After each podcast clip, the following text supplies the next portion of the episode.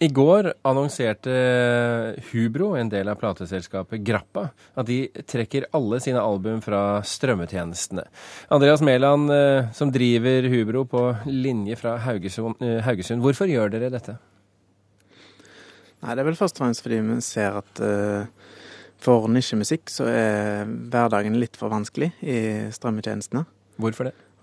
Fordi det, ligger, det er så vanskelig å få veldig mange folk til å høre på marginal musikk. Og da vil det heller ikke være noe mulig å tjene noe særlig penger på å være på strømmetjenestene. Men er ikke dette det samme i plateforretningene? Nei, det er egentlig ikke det. Altså, du skal strømme ganske mange, det skal være ganske mange som strømmer i plata for å komme opp på samme nivå som inntekten for ei solgt plate. Sveinung Rindal, eh, redaksjonssjef i eh, strømmetjenesten Wimp. Hvordan reagerer du på at Hubro nå trekker sine utgivelser fra strømmetjenesten din? Nei, Det er jo først og fremst leit pga. Eh, våre kunder og de brukerne som liker å høre på denne musikken. Og så er det, syns jo jeg det er veldig leit for, for norsk musikk at man mister denne type labeler. Syns du de tjener nok penger? Nei, det det blir relativt. Eh, jeg syns, eh, jeg syns at det er litt for tidlig å evaluere foreløpig. Og, og, vi utbetaler 75-80% av alle inntekter til, til distributørene og plateselskapene. Så av det så blir det jo penger igjen. Så har jeg veldig respekt og forståelse for, for at marginal musikk eh, trenger en ekstra Eh, en ekstra mm, form for uh, synlighet eller, eller, aktivitet for at i det hele tatt Eller penger? Ja, eller penger. Hva skulle f.eks. Wimp gjort da for å tilfredsstille de kravene dere har i Hubro? Jeg hadde jo f.eks. på ønskelista mi til jul står det vel at uh, noen snart kommer med en strømmetjeneste som koster mer, og som har mer innhold. Det vil jo kundene være uenig i, selvfølgelig. Men jeg har lyst til å si en ting til som er et viktig aspekt her, og det er at konkurransen på eh, marginal musikk i Norge er steinhard, og kvaliteten på nisjeting innenfor norsk jazz og norsk samtidsmusikk er, er skyhøy.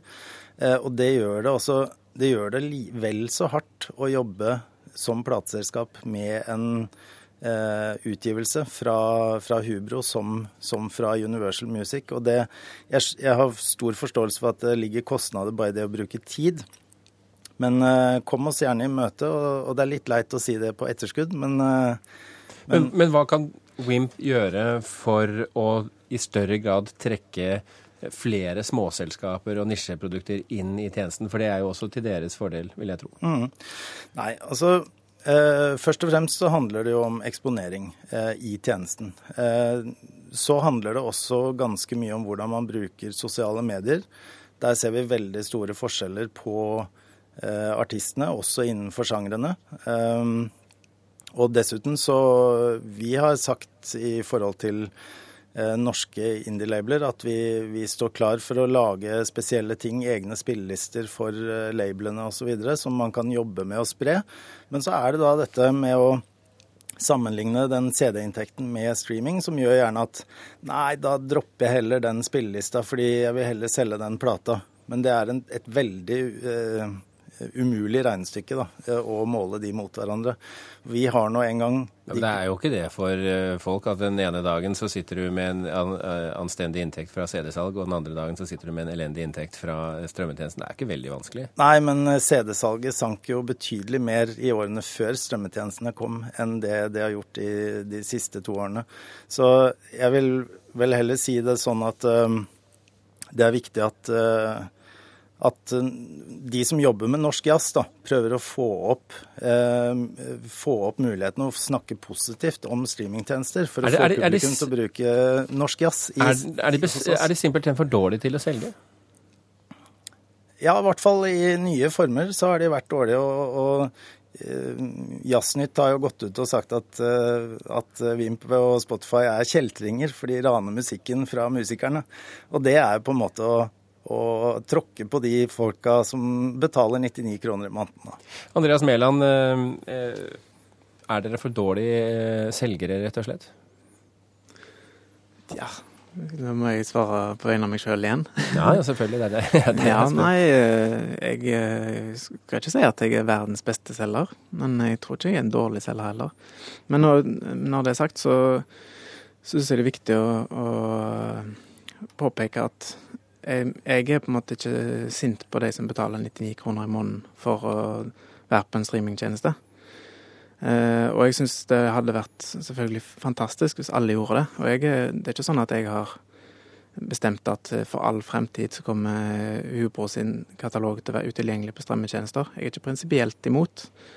Det er bare at uh, akkurat nå så ser jeg at uh, så ser jeg at det ikke er helt lys i enden av tunnelen. og jeg skulle ønske at det ikke fantes streamingtjenester med gratisløsning, f.eks. Vi vet jo ikke hvordan uh, fremtiden blir fullt og helt. Vi kan sikkert tenke oss uh, noen retninger. Vi får derfor runde av i denne omgang, og så får vi invitere dere tilbake om et års tid og se hvordan tingenes tilstand er. Andreas Mæland fra plateselskapet Hubro og Sveinung Rindal, tusen hjertelig takk for at dere kom til Kulturnytt. Takk, takk. Takk for at vi kom.